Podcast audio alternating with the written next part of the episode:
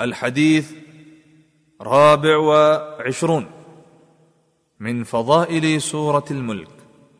سورة ملك يعني تبارك الذي فضلت.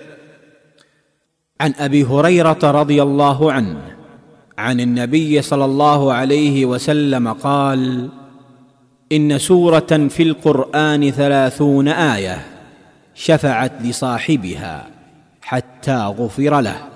تبارك الذي بيده الملك.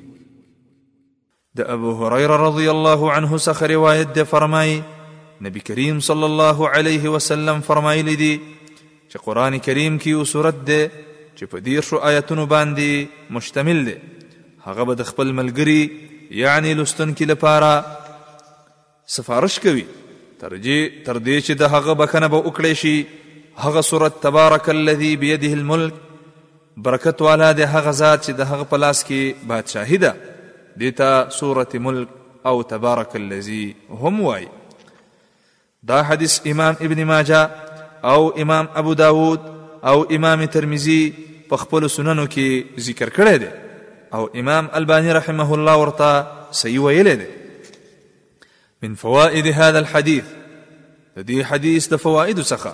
اول په دې حدیث کې د سوره ملک یعنی تبارک الذی فضیلت ذکر دی.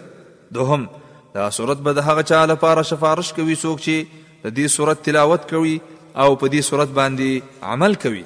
دریم دا حدیث مونږ ته دا درس راکوي چې مونږ باید دا سورت زده کړو او د دې د تلاوت کوشش وکړو او په دې باندې عمل وکړو